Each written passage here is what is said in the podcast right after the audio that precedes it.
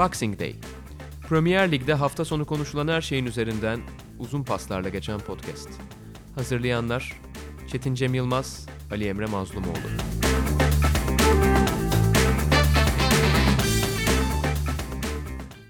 Sokrates Podcast'in İngiltere Premier Ligi konuştuğumuz programı Boxing Day'e hoş geldiniz. Ben Ali Emre Mazlumoğlu. Yanımda Çetin Cem Yılmaz var. Hoş geldin Çetin. Hoş bulduk. Merhabalar herkese. Hemen sıcak sıcak başlayalım. Ee, yani saatler önce Manchester United Arsenal arasındaki maç sonuçlandı. Aslında maç öncesinde beklenen senaryolara da uygun gitti. Hani bir yanında Ar- e, Arsenal olunca tabii yine garip şeyler olabilir mi? Ee, hiç beklenmedik durumlar ortaya çıkabilir mi diye insan kafasında bir soru işareti kalıyordu ama e, pek de öyle olmadı. Çok keyifli bir maç ortaya çıkmadı ve sonucunda 1-1 tamamlandı ve takımlar da puanları paylaştı. Evet bu haftaya bakılırken sanki genel olarak Avrupa liglerinde hem Süper Lig'de Galatasaray Fenerbahçe derbisi hem e, İspanya'da Atletico Madrid Real Madrid maçı vardı hem de Manchester United Arsenal. Üç tane büyük maç e, üç beraberlikle sonuçlandı. Enteresan şekilde yani üçü de birbirinden hani neredeyse zevksiz maçlar diyebiliriz.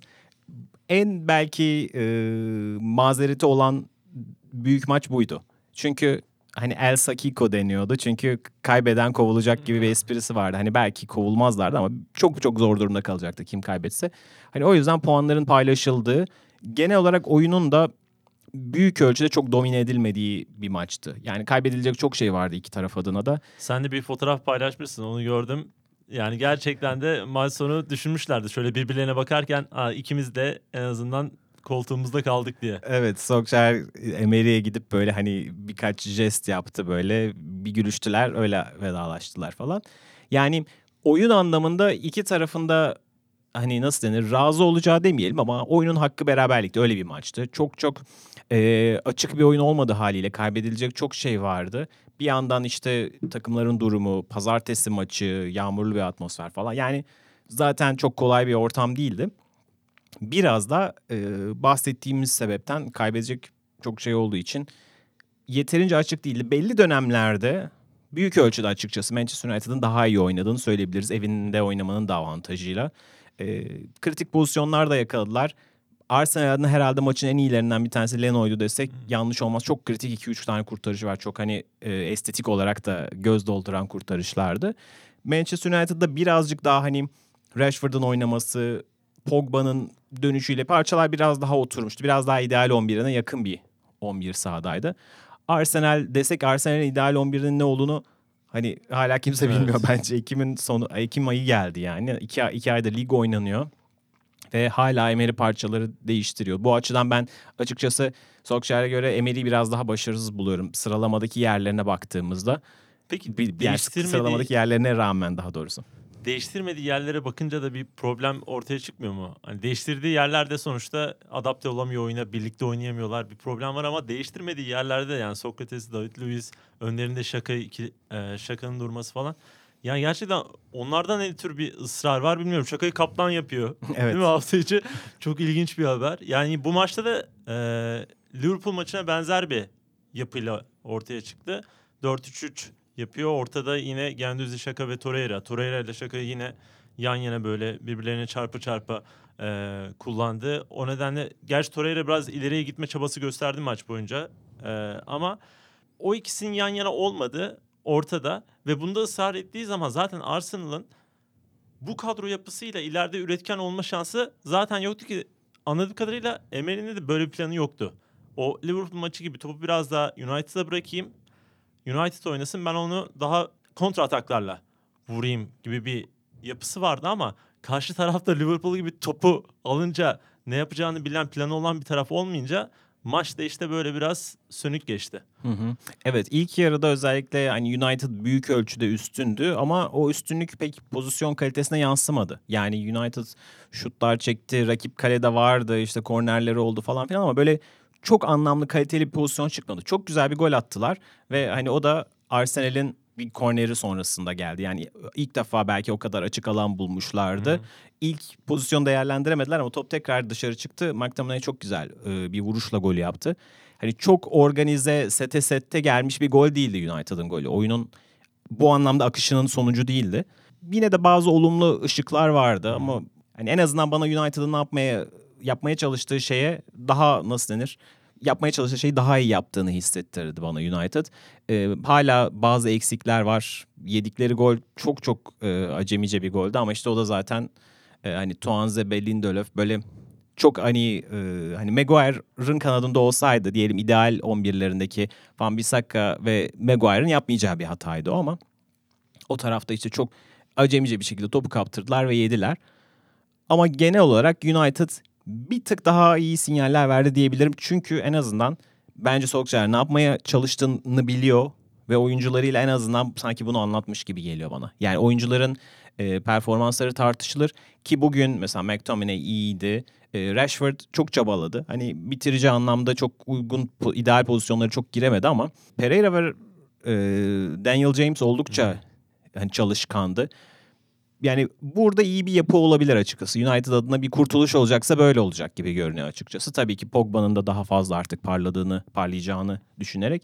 Kalitesi belli bir yerde belki tıkanıyor United ama dediğim gibi ben bugün United'ın ne yapmaya çalıştığını anladım. Ee, Arsenal'e gelince Arsenal'in ben hala Arsenal'a anlamıyorum. bir soru soracağım orada. Şimdi biraz önce video izliyordum orada. Van Persie de onu tartışmıştı. Onu da izlemek de güzel bir keyif oldu şimdi yıllar sonra. Ee, yani şimdi Pogba maç kadrosu açıklandığında Tomine ile Pogba'yı görünce insanlar doğal olarak Tomine'yi biraz daha geride duracak.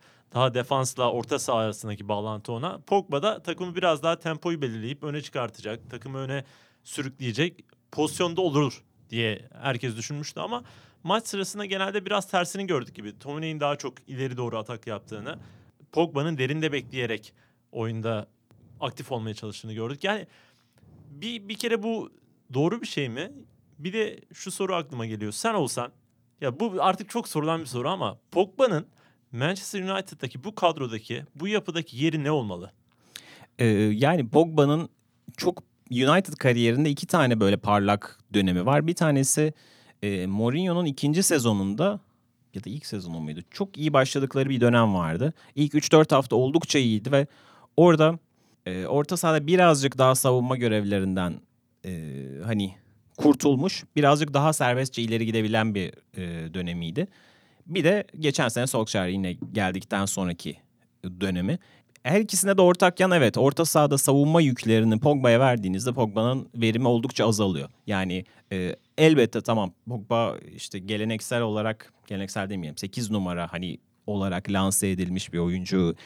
E, oyunun her iki yönünü de çok iyi oynamasıyla ünlenmiş bir oyuncu ama eğer bu United'da yaratıcılık beklediğiniz oyuncu, dinamizm katmasını beklediğiniz oyuncu Pogba ise onun birazcık daha fazla ileri gitmesi, daha az geriden top çıkarması gerekiyor ama işte burada belki bu sezonun doğru düzgün oynamamasının da payı vardır. Ee, yani ben açıkçası Pogba konusunda çok eleştirilere rağmen hep böyle bir pozitifim. Sanki o bilmiyorum beni o Ju- Juventus dönemi mi kandırıyor? Hani hep söylenir ya bizi Conte başka bir şey izletti bize belki biz onun şeyiyiz yani. Nasıl denir? Onun hayalini kuruyoruz belki hala ama Ama şunu da biliyoruz yani O- Pogba formsuz. evet. Yani mesela maç içinde topu ayağına alınca e, yani yine de bize bir şeyler gösteriyor. O klasından ya da o sahi görüşünden birkaç tane çok güzel pas attı mesela bugün. Yani Hı hı. biliyoruz Pogba'daki kaliteyi ama bu adam biraz formsuz olduğu için ve rolü yeterince iyi belirlenemediği için sanki Manchester United'da bu denli bekleneni veremez hale geldi. Evet yani sanki dediğim gibi şu anda belki bir noktada kredi vermeye niyetindeyim. Çünkü yine e, sezona pozitif başladı. iyi bir Chelsea maçı oynadı. Birkaç hafta sonra hemen e, sakatlandı ve bir ay yoktu ortada. Dolayısıyla belki hani şimdi milli araya tekrar girip geri döndükten sonra Pogba'dan artık Manchester United beklediği şeyi alabilir. Artık almazsa zaten bu kadroda çünkü bunu yapması beklenen oyuncu o yani. Pogba'nın artık şu anda sazı eline alması ve bu takımı yönetmesi gerekiyor. Arsenal tarafına geçelim. Ben Evet. ufak bir girizgah yapmıştım. Sen tamamla istersen. Yani Arsenal'la ilgili ben açıkçası dediğim gibi Unai Emre'nin Emery'nin şu anda artık yapması gereken şeyin bir orta saha dizilişi oturtmak ve hani kötü bir kararsa bile onunla devam etmek olduğunu düşünüyorum. Yani tamam belki herkesten daha fazla inanıyor Çaka'ya ve bizim görmediğimiz başka şeyler de görüyor olabilir. Artık ben onda takılmıyorum. Yani niye Şaka oynuyor da değilim. Ama şu orta üçlü ya da artık dörtlü mü yapacak, baklava mı yapacak neyse Hı. o ekibin bir 3-4 maç oynaması lazım artık. Sürekli o değişimler. ve sürekli 55. dakikadaki değişim sonrası toparlanan bir Arsenal görüyoruz. Ee, bir önceki haftalarda Watford maçında tam tersiydi. İyice hafif sallanan e, orta saha o iki tane değişiklikle tamamen yıkılmıştı. Daha sonra geçen hafta Aston Villa maçında e, yine 55-60 civarında yapıyor sürekli orta saha değişikliklerini. Bu sefer bir kan getirmişti. Bugün de öyle oldu. Ufak bir hareket getirdi. Eşitlik geldi. Çok fazla takımı ileri götürecek hani o e, ikinci golü atacak pozisyonları çok fazla bulamadı ama yine de arada buldu. Daha fazla buldu. E, bu anlamda bence artık hani oyuncuların ne oynadığını anlaması gerekiyor. Arsenal'de orta saha ile forvet arasında çok büyük bir kopukluk var hala. Akmıyor yani o. Ee, Aubameyang'ın bitiriciliği sayesinde şu anda dördüncü sıradalar. Çok hala söylüyorum ama hani oynadıkları oyunun karşılığı bu değil diyorum. Geçen hafta da Independent'ta Jonathan Liu böyle bir yazı yazdı. Dedi ki Arsenal'i övsek mi acaba artık? Çünkü Arsenal bu şekilde beklenmedik golleri atmak da bir meziyettir. Zaten genç bir takımla karşı karşıyayız. Ee, hiç kimsenin ihtimal vermediği, oyunun akışına aykırı gördüğümüz golleri atmak da bir başarıdır. Dolayısıyla Arsenal'in bu yöntemini övmemiz gerekiyor belki de dedi. Ben o kadar iyimser değilim çünkü bunun e, çok sürdürülebilir olduğunu düşünmüyorum. Evet Aubameyang golleri bir şekilde buluyor. Biraz işte birkaç oyuncunun gayretiyle pozisyonları da buluyorlar ama bence bunu e, hala beni ikna etmiyor açıkçası. Şimdi beni ikna edip etmemesi önemli değil. Arsenal şu anda sıralamada dördüncü durumda. Ama bu devam edecek mi? Bana öyle gelmiyor hala ama birkaç parlak nokta var. Yani e, işte Aubameyang çok çok formda ve takımı sırtında taşıyor. Gendouzi oldukça iyi. Yani çevresindeki bütün parçalar değişti. Bir hafta Cebalos'u buluyor yanında. Bir hafta işte Torreira. E, Çaka gidip geliyor ama bazen işte dörtlü oynuyorlar kendini sol tarafta buluyor. Bazen sağ tarafta. Bir hafta daha geride duruyor falan. Takımı sürükleyen oyunculardan bir tanesi. E, Pepe'den istedikleri verimi bulamadılar. Pepe de bence çünkü şu anda kendini bulamadı hala biraz böyle hani çok gol kaçıran oyuncu tipi vardır. Liverpool'daki ilk dönemlerinde Mane de öyleydi aslında ama Liverpool Mane'yi maç boyunca işte mesela 5 pozisyona sokuyordu. Mane 3'ünü kaçırsa da birini ya da ikisini atabiliyordu. Dolayısıyla o tabelada kendini görüyordu. Ama Pepe maç boyunca bir tane şansı ya buluyor ya bulamıyor. Orada doğru pası ya doğru kararı ya veriyor ya veremiyor ve harcanıyor. Dolayısıyla kendi gücünüze göre bir oyun planı uygulamanız lazım ve şu anda hani Pepe 80 milyon harcanmış bir oyuncu olduğu için söylüyorum. E, hala yerini bulmuş değil. Pozitif şeylerden bir tanesi biraz uzattım ama hani bugün e, Saka'nın oyunu genç oyuncunun Evet. oyunu da 18 yaşında bir oyuncu. Avrupa'daki ilk maçında da golünü atmıştı. Burada da çok yaklaştı golü ama Evet. Beceremedi. Evet. Yani e, Emer'in övülecek şeylerinden bir tanesi de bu. Hani e, genç oyunculara verdiği değer ve Saka'yı en azından parlatıyor. Bu anlamda ve e, takdir edebiliriz. Bazı pozitif yanlar var ve açıkçası şimdi Arsenal'le hani tırnak içinde gömdüm falan ama şimdi United'la oynadı, Tottenham'la oynadı ve Liverpool'la oynadı. Çok buradan hani bu üç zorlu maçtan iki puan çıkarmış olmasına karşın dördüncü sırada görüyoruz Arsenal. Demek ki bir şeyleri e, doğru yapmışlar ve önlerinde de Kasım ayının sonuna kadar oldukça şey iyi bir fikstür var. Yani tabii neye göre iyi? Şimdi West Ham'da zor maç, Leicester'da zor maç falan ama hani City ile oynayana kadar iyi diyebiliriz. Hani o maçlardan işte 6 maçtan dördünü falan kazanabilir ve bir İlk anda evet, evet. aynen üçüncülükte yerini sağlamlaştırmış olabilir. Evet. O zaman e, sıcağı sıcağına konuştuk maçı. Buradan zirve yarışına doğru uzanalım. Orada Liverpool ve City'yi konuşmamız gerekecek. Liverpool'la başlayalım istersen. Onlar da Sheffield deplasmanına gittiler. E, orada çok tatlı, keyif veren bir futbol olmadı. E, ikinci yarıda golü 70. dakikadaydı yanılmıyorsam. 70. dakikada buldular Wijnaldum'la. Onun öncesinde gerçi birkaç pozisyon vardı. İlk yarıda Sané'nin girdiği iki- Sané diyorum. Mane'nin girdiği iki tane pozisyon vardı. Biri direkten döndü. Biri kaleciyle karşı karşıya. Bu arada o pas neydi ya? O defanstan gelen Van Dijk'ten Mane'ye gelen pas inanılmaz bir pastı. Ama onu değerlendiremedi. Sonunda Wijnaldum'la kilidi açmayı başardılar ki o da biraz kalecinin hatası oldu. Ama nihayetinde 3 puan elde ettiler ve 7'de 7 yaptılar. Bir de toplam sayıda galibiyet serisinde 16'ya çıkardılar yanılmıyorsam. O da yavaş yavaş City'nin rekoruna doğru gidiyor 18'de City. Bakalım oraya da yetişebilecek mi? Önde Leicester'la United maçları var. Çok zor iki maç var ama biz dönelim yine Sheffield maçına. Ee, herhalde biraz Şampiyonlar Ligi maçları öncesi e, deplasmanı şeklinde okumak lazım. Evet Liverpool adına çok böyle rakibi boğduğu, böyle pozisyonlarla bunalttığı falan bir maç değildi.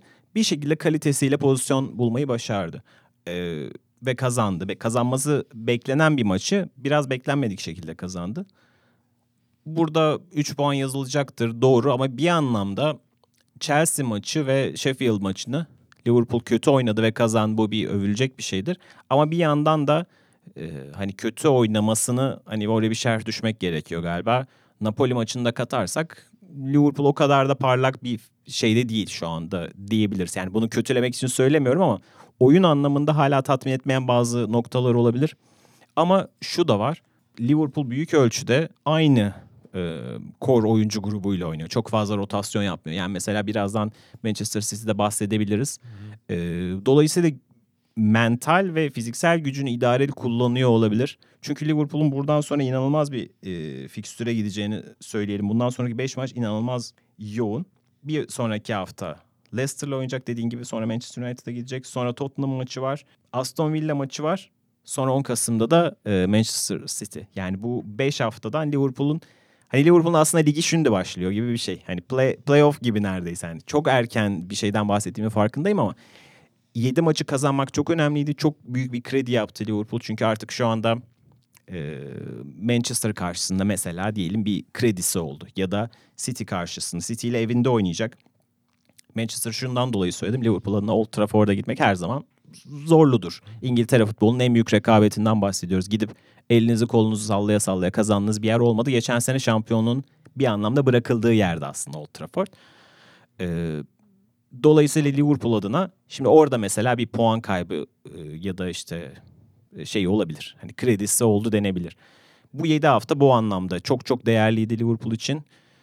Son iki sezonda 198 puan yapmış bir canavarla boğuşurken bu 3 puanları ala ala gitmek önemliydi bu yüzden. Belki bu anlamda hani şansa da geçen hafta konuştuğumuz o çok ince detaylara da her oyuncudan bir şekilde gol katkısı alabilmeye de çok çok ihtiyaç var. Liverpool bu 7 haftada bunun sınavını kusursuz bir şekilde verdi diyebiliriz. Ya şöyle bir soru geliyor benim aklıma. Şimdi sonuçta Sheffield Liverpool'u 5-3-2 ile karşıladı. Bunun karşısında 4-4-3 dizilen bir Liverpool vardı. Ortadaki üçlü Klopp'un daha çok hedef maçlarda tercih ettiği Henderson, Fabinho, Wijnaldum üçlüsü oynadı. Acaba bu üçlü özellikle bu tip maçlarda takımın akışkanlığı konusunda çok eksik kalıyor mu gibi düşünmeye başladım. Çünkü şimdi Wijnaldum tamam iyi bir oyuncu ama ileriye yönelik katkısı belli bir oyuncu. Tabii ki çok zaten golü attı falan. Geçtiğimiz sene Barcelona maçı ya da verdiği katkılar çok başka. Ama demek istediğim şu topu alıp driplingle giden alan açan e, ya mesela bir Keita'nın yapabildiklerini yapan ya da Oxlade Chamberlain'in hani o iyi olan döneminde yaptıklarını yapabilen bir oyuncu değil. Henderson'ın zaten hücum kapasitesi belli. Fabinho'yu zaten derinde oynatıyorsunuz. Onun hücuma katkısı dolayısıyla çok fazla olmuyor. Yani bu üçlü hücumda bu kadar aktif pozisyon almayınca her şey ilerideki üçlüye kalıyor ki ilerideki üçlü de her zaman inan her maçı inanılmaz formda götürebilecek yani kimse bunu yapamaz. E, dolayısıyla takımın akışkanlığında sanki bir sorun oluyor gibi. Bence ya Keita'nın hızlıca hazırlanıp bu takımın bir parçası olması gerekiyor gibi düşünüyorum ki özellikle bu tür maçlarda ona çok ihtiyaç olacak. Yani Keita da işte devreye bir türlü tam giremedi. İlk sezonuna çok hani benim çok beğendiğim şekilde başlamıştı. Birkaç hafta çok iyi oynadı ama daha sonra e, bir teklemeye başladı. Sonra da geçen sene de sakatlıklarla bitirdi zaten. Ama son sakatlığa kadar çok evet, iyiydi. tekrar Keita. dönüyordu takıma. Mesela geçen hafta Liverpool'un oynadığı e, kupa maçını izledim. Orada hani neredeyse neredeyse değil takımın en iyisi oydu aslında şey anlamında yani. E, Liverpool tamamen yedeklerle oynadı. Büyük ölçüde gençlerle oynadı. Fakat e, az oyunculara en yakın olan Milner vardı ve Keita vardı. Hani Keita'nın o maçı artık ağırlığını büyük ölçüde koyması lazım. Orada bile o karakteri göremedim açıkçası. Bu anlamda benim e, soru işaretlerim oluşmuyor değil. E, Oxlade Chamberlain'in katkısını hep çok beğeniyorum. Liverpool'un o e, bir önceki sezon hem ligde hem de Avrupa'da Manchester City'yi yenmesindeki en büyük hani X faktör e, Oxlade Chamberlain'de onun o deliciliği çok çok iş yapıyordu. Fakat bu sene özelinde mesela Şakir'i de bir önceki sene bu yüzden aldı Liverpool aslında. Kilitlenen maçlarda iş yapsın işte duran top katkısı versin falan filan diye. E, kısıtlı da olsa ilk sezonunda bunu yaptım. E, ama şu anda baktığımızda bu oyunculardan hiçbirisi açıkçası bence Wijnaldum kadar da e, koyduğun zaman oynayacak katkıyı verecek durumda değil. Yani bu anlamda diğer e, hani Keita'nın ve Oxlade Chamberlain'in yetişmesi lazım bence öncelikli olarak buralara. E, tabii normal şartlarda işte Şakir'in, Lallala'nın aslında oynaması gereken maçlar bunlar. Çünkü Sheffield United maçında yani saygısızlık olarak söylemiyorum ama bazı aslarınızı dinlendirebileceğiniz maçlardan bir tanesi olarak görünür bu. Hem ligdeki sıralamaları hem güçleri hem de e, bu maçın fikstürdeki yeri konumu itibariyle. Ama açıkçası Klopp belli ki hala onlara güvenmiyor ve ben açıkçası onları izlediğimde de neden olduğunu anlayabiliyorum. Yani dediğim gibi hem Keita'da, Oxlade Chamberlain'de oynadığı maçlarda çok hazır olmadığını göstermişti. Dolayısıyla e, şu an için hani bu 11, bu orta üçlü hani kritik maçlarda oynamaya devam edecek gibi sanki. Benim bir de dikkatimi çeken biraz da SOS durumu veren e, olay şu oldu. Golü biliyorsun 4-2-3-1'e geçtikten sonra hani Origi girdi, ileriye Salah attı. Firmino arkasında Mane sağda. O şekilde buldular ve ondan sonra da maçın sonuna kadar işte Joe Gomez herhalde aldı maç sonunda. Bilmiyorum 89'da falan. O süreye kadar bu oyunda ısrar etti ki bu oyunda ısrar ederken kalesinde de 2-3 kere böyle önemli çok tehlikeli pozisyonlar aldı. Yani Robert, Robertson'ın kestiği o top inanılmaz bir çapraz koşuyla kademeye girip kesti. Olağanüstü bence bir ne söylediğini acayip bir şeydi o pozisyon. Ama mesela geçen sene bu taktikle özellikle Sheffield gibi takımlara karşı böyle çıkıp rahatça kazandığı, topa hakim olduğu, geride pozisyon vermediği maçlar vardı. Salah'ın işte ön tarafta olduğu. Ama bu sene onu ilk kez ben gördüm ve görmez olaydım. Bayağı evet. evet sıkıntıya soktu takımı. Skor dışında evet çok çalışmadı gibi. Ama yani e, şu anlamda Klopp'un e, ne yaptığını nasıl denir? Klopp genelde oyuncularına o serbestliği en azından takımı e, her durumda pek çok sadece Klopp'a özel bir durum değil. Bu pek çok e, iyi antrenöre has bir durum. Sanırım hatta ilk ben bunu yıllar önce NBA oynarken Phil Jackson'dan bir alıntılanmıştı. Hani bazen oyuncularını zor durumlarda da o zor durumlar sırasında da nasıl reaksiyon verdiğini görmek için bazen hocalar anında müdahale etmezler ki zaten oy- oyunun çok sonlarıydı. Hemen sürekli hani bir daha diziliş değiştirmesi falan çok anlamlı olmayabilirdi. Klopp da bazen bunu görmek istiyor. Oyuncular hani bu duruma nasıl reaksiyon verecekler diye. Bu da anlamlı bir şey çünkü sezon içerisinde çok fazla taktik mücadele yapacak bu takım. Daha, daha çok kritik maçlara çıkacak.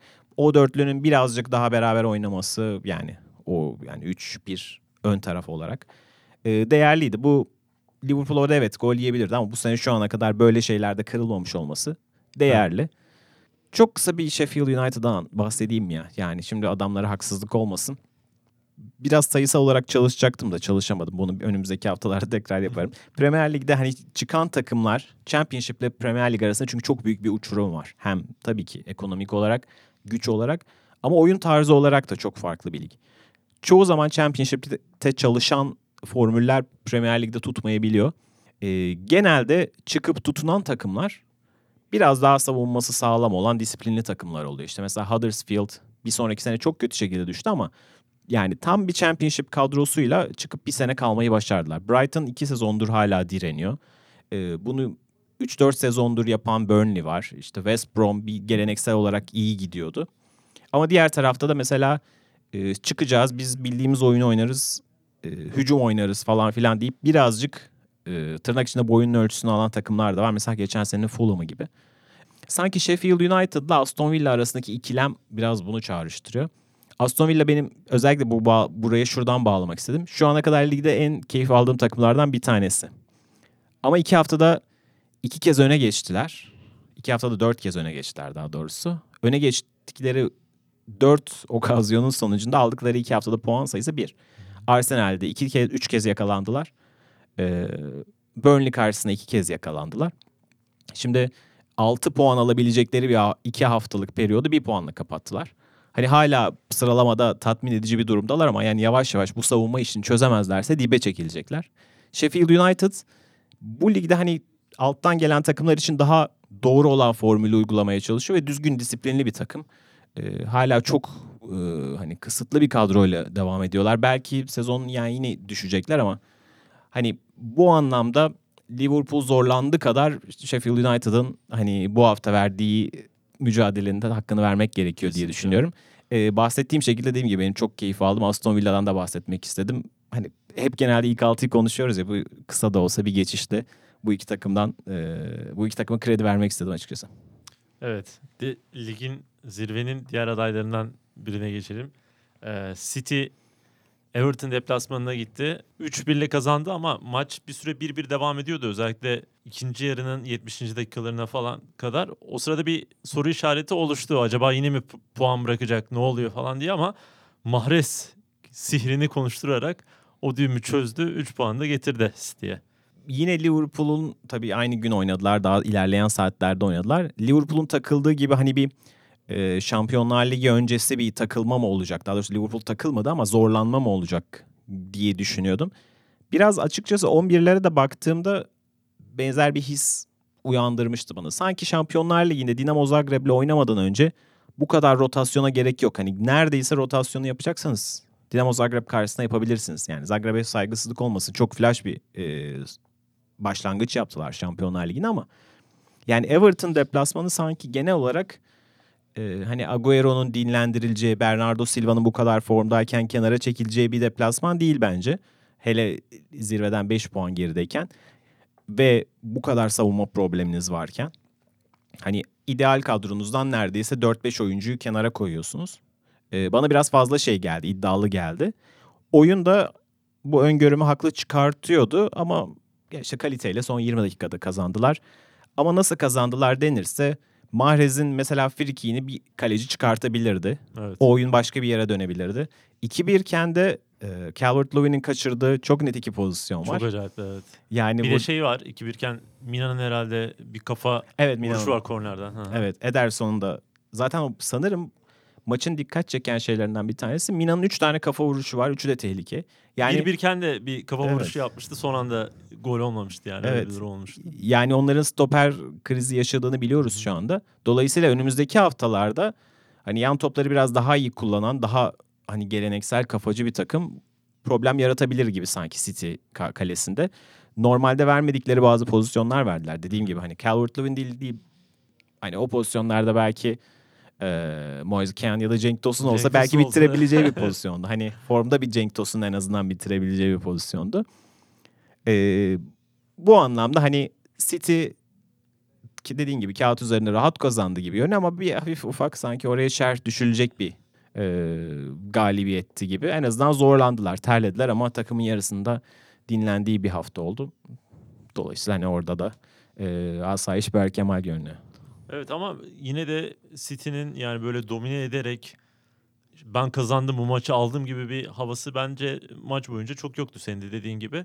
Yani maçın son bölümüne kadar da zorlandılar hakikaten. Hemen zaten beraberlik golünün gelmesinin ardından böyle bir City'de şey vardı yani ne yapacağım acaba puan mı kaybedeceğim? Sanki bunun tedirginliğini yaşadılar gibi geldi bana bir süre. Herhalde bu da Liverpool'un sürekli kazanıyor olmasının City üzerinde bıraktığı bir etki olsa gerek diye düşündüm.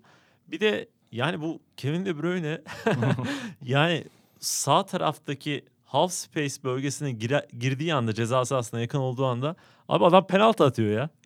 Ya penaltı atar gibi orta yapıyor. Ne zaman topla orada buluşsa işte gol geliyor falan diye düşünüyorsun. Ya bu kadar iyi orta açan bir oyuncu herhalde o bölgeden şu ana kadar gelmemişti diye düşünüyorum. Evet. Yine tam tam yani kafasına attı ve gol geldi. Aynen adeta kafasına aldı. Gerçi bu arada kafa vuruşu da iyiydi hani. Gabriel Jesus özellikle çok beğendiğim bir oyuncu değildir. Yani tabii ki hani hani City'nin daha iyi bir forvet bulabileceğini düşünürüm bazen ama çok hani iyi bitirdi. Ee, zaten hakkını vereyim her zaman o dakika başına gol ortalamaları çok iyi fırsat verildiğini atıyor. Bugün e, kimdi hatırlamıyorum ya. Gol.com muydu? Bleacher Report muydu? Hangisi daha iyi ortacı diye işte Gerrard mı Beckham mı De Bruyne mı e, diye şey yapmışlar. Yani Gerrard değil ama Beckham'la hani yarışır. Yani Kapışır. Premier Lig'in gerçekten en iyi ortacılarından bir tanesi. Şu anda daha işte 7 haftada 8 asist oldu. Bugün e, Şampiyonlar Ligi maçı var tabii City'nin. Antrenmana çıkmamış. Gerçi dinleyicilerimiz bunu dinlediğinde maçta oynanmış olacak. Dolayısıyla çok bir şu anda benim söylediğim şey e, kadük kalacak. Hani belki o hafif bir sakatlığı olabilir ya daha dinlendirilecek olabilir. Bu sefer de hani hafta içini dinlenip tekrar lige saklanmış olabilir. Çünkü bahsettiğim gibi Bernardo Silva ve Agüero hafta sonu dinlendi. Sterling ve De Bruyne oynadı. Belki benzer bir şekilde bir dönüşüm olabilir. Lig ve Avrupa'yı götürme anlamında. Evet orada City'de galibiyeti aldı bir şekilde Everton deplasmanında. Everton da maça özellikle son bölümünde resmen al gibi bir tavrı da oldu. 25'ten sonra inanılmaz geri çekildi ama bir şekilde City oradan çıkmayı başardı. Biz Chelsea'ye bir uzanalım. Onlar da kendi evlerinde ilk kez galibiyet aldılar. Senenin ilk galibiyetini kendi evlerinde aldılar tabii. Ee, ve 2-0'lık bir skor vardı. Maçın başından sonuna kadar aslında Chelsea bu maçı alacağım görüntüsü verdi ama nasıl verdi? Böyle yaldır yaldır gelerek acayip bir tempo kurarak değil. Maçta böyle sakin oynayarak bulduğu fırsatı değerlendirerek aslında şu ana kadar oynadığı Chelsea futbolunu biraz daha olgunlaştırarak aldı gibi gözüküyor ve çok önemli bir galibiyet oldu onlar adına. Evet, e, yanılmıyorsam haftanın böyle en çok e, hani XG'si en yüksek takım Chelsea'ydi gördüğüm kadarıyla. En çok şut çeken de onlar olması lazım. Yani e, Brighton'a karşı evlerini almaları gereken sonucu aldılar. Hatta ilk yarıda aslında bayağı da kaçırdılar ama e, genel olarak geçen hafta konuştuğumuz şeylerin üzerine Chelsea adına koyabileceğim şey belki Ross Barkley olabilir. Ross Barkley hani Everton'daki ilk çıkışı çok heyecan vericiydi. İngiltere'nin en başarılı genç yeteneklerinden bir tanesiydi bir iki çok iyi sezonu var. Daha sonra işte sakatlıkları var, biraz e, formsuzlukları var. Bir türlü kendini geliştirememesi var. Daha sonra Chelsea'de de bir türlü isteneni veremiyordu. Şimdi enteresan hani bilmiyorum insanlar da böyle ben de belki gazeteci kafasıyla bu hikayeleri seviyorum ya. Hani Şimdi İngiltere tarihinin en iyi 8 numaralarından bir tanesinin e, çalıştırdığı takımda bir 8 numaranın çıkışı güzel bir hikaye olacak gibi sanki. Yani Ross Barkley'i bu hafta izlemek çok keyif verdi bana. Çünkü ee, hem Mason Mount zaten ileriyi çok düşünen bir orta saha oyuncusu ama o kenardan yapıyor. Ama Barkley bu hafta o işte Kovacic, Kante, Jorginho üçlüsünün beraber yapamadığı o şeyi kattı. Ceza sahasına dalışlar ki bunun üstadı zaten Frank Lampard. O geç koşularıyla Tabii. sayısız gol atmıştır. bu, bu hafta mesela birkaç tane golle sonuçlanmayan e, bir Alonso'nun pozisyonu vardı mesela golle sonuçlanmadığı için belki pek çok kişinin gözünden kaçan e, pek çok katkısı vardı. O ceza sahasına dalışları, ekstra adam yapması, savunmanın dengesini bozması falan. Bu anlamda bana Chelsea adına tabii ki işte Mount e, çok gol kaçırsa da Abraham, Kante, Jorginho hep iyiydi yani bu hafta Chelsea ama hani bir artı geçen haftalarda konuşmadığımız Barkley'nin katkısı ve umarım geri dönüşü e, oldu benim dikkatimi çeken. Evet. Ya Brighton bu maçta bir önceki haftaların görünümüne göre biraz sönük kaldı. Ben biraz daha hani hani topu almak isteyen, oynamak isteyen, iyi şeyler göstermek isteyen bir takımdı Brighton şu ana kadar ama bu maçta pek yani bunlardan pek estantaneler göremedik. Onun yerine Chelsea gerçekten maçın başından sonuna kadar oyunu domine etti. Ben oradaki olgunluğu sevdim yani Chelsea futbolundaki o yavaş yavaş takım oturmaya başlamış. Onu görüyoruz ki bu takıma bir de Rudiger şimdi gelecek, Kante gelecek. Gençler zaten oturdu. Tomori arkada çok acayip işler yapıyor. Senin dediğin Mason Mount'ın katkıları. Abraham zaten lig başından beri önemli rol oynuyor. Yani Chelsea bence çok heyecan verici.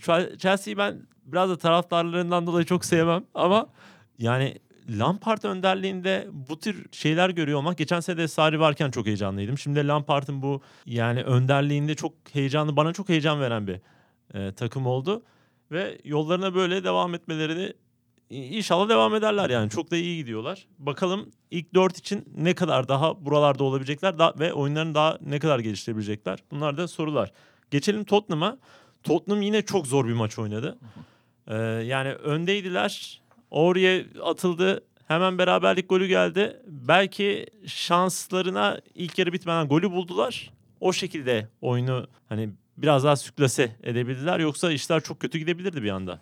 Evet zaten e, geçen hafta konuşmamızın üzerine bir de kupada Colchester önünde de bir yenilgi aldılar. Penaltılarla da e, Karabağ Kap'a veda ettiler. Bu arada o maçtan sonra da yani iç Tottenham'ın içi bayağı bir kaynadı. Yani şimdi sözleşmesi bitecek oyuncuların başka hedefleri var. İşte kadroda uyumsuzluklar var. Oyuncular arasında problem var. Pochettino ile oyuncular arasında problem var diye bir sürü haber okuduk. Hı hı. Ama bu maçı kazanmaları yani en azından bu problemleri öteleyecek gibi duruyor.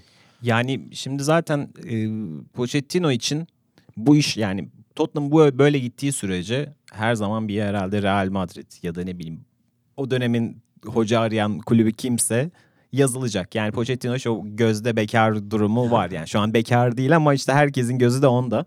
Ee, Boşanacak ama. evet. yani sanki bu hep konuşuyoruz yani. Sanki bu projenin sonu geldi gibi geliyor. Bir doygunluk var gibi ama e, Tottenham'da son yıllarda hani herkesin olduğu gibi benim de çok hani sempatiyle baktığım, oyunundan çoğu zaman keyif aldığım bir takım. Ama bu sene hani sahada da o yorgunluğu görüyorum yani. Belki geçen senenin çok yorucu olan e, e, hikayesi onlar adına bir zirve oldu ve sanki plato yaptılar gibi geliyor. Ama yani e, şunu hep söylemek gerekiyor. Birkaç tot nasıl denir? E, Tottenham adına hala bazı şeyler oturmamıştı. Bu maç aslında onları değerlendirebileceğimiz ilk maç diyebiliriz. Çünkü ilk defa ideal kadroyla oynadılar. E, ama 30. dakikadan itibaren 32. dakikadan itibaren de 10 kişi kaldılar. Dolayısıyla o hikaye yine tam olmadı. Loris kendisinden çok sık görmediğimiz tuhaf bir Evet. gol yedi ama dediğin gibi hani şans yani kalitenin de yardımıydı diyelim sadece şans demeyelim hemen cevap vermeyi başardılar. İkinci yarıda tamamen topu rakibe bıraktılar. %70'lerde falan oynadı Southampton ama birkaç pozisyon dışında da çok belirgin pozisyon vermediler. Orada da e, Loris kurtarışlarıyla hani kendisini affettirdi. 3 puanı aldılar. Hani mental olarak önemliydi bu galibiyet açıkçası. Çünkü bazı açılardan hani özürleri vardı. 10 kişi kaldık, 1 saat 10 kişi oynadık falan filan ama ne kadar olsa da yani Tottenham'dan bahsediyorsunuz. Evinizde yani iki kez öne geçtiğiniz bir maçı da yani puanını da artık vermemeniz lazım. 10 kişi de olsanız onu başardılar.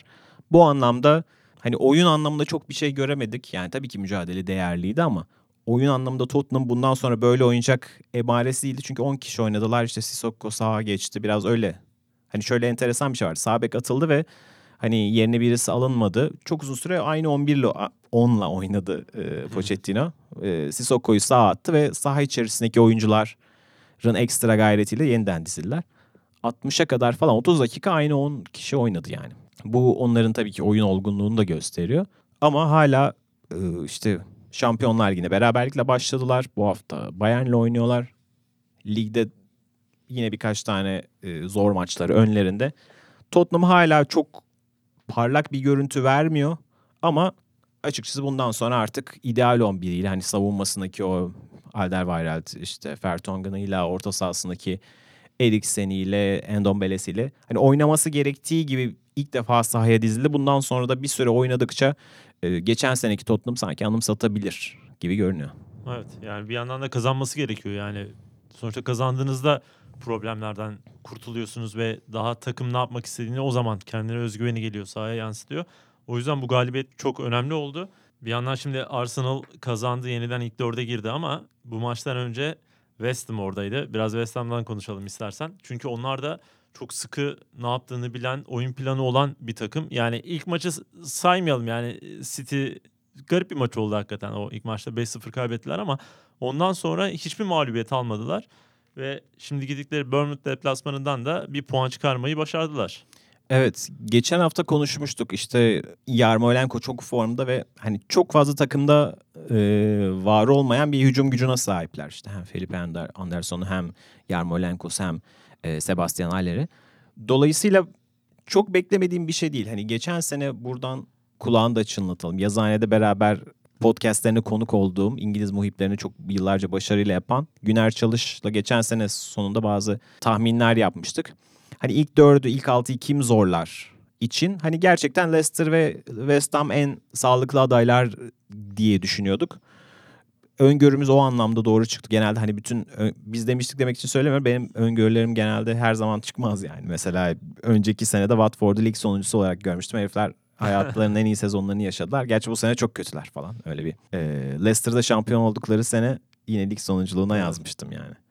Ee, ama hani West Ham'dan beklemediğim bir şey değil. Gayet e, iyi gidiyorlar ve oyunları da keyif veriyor. Yani ne- yine ne oynadıklarını anladığınız bir takım.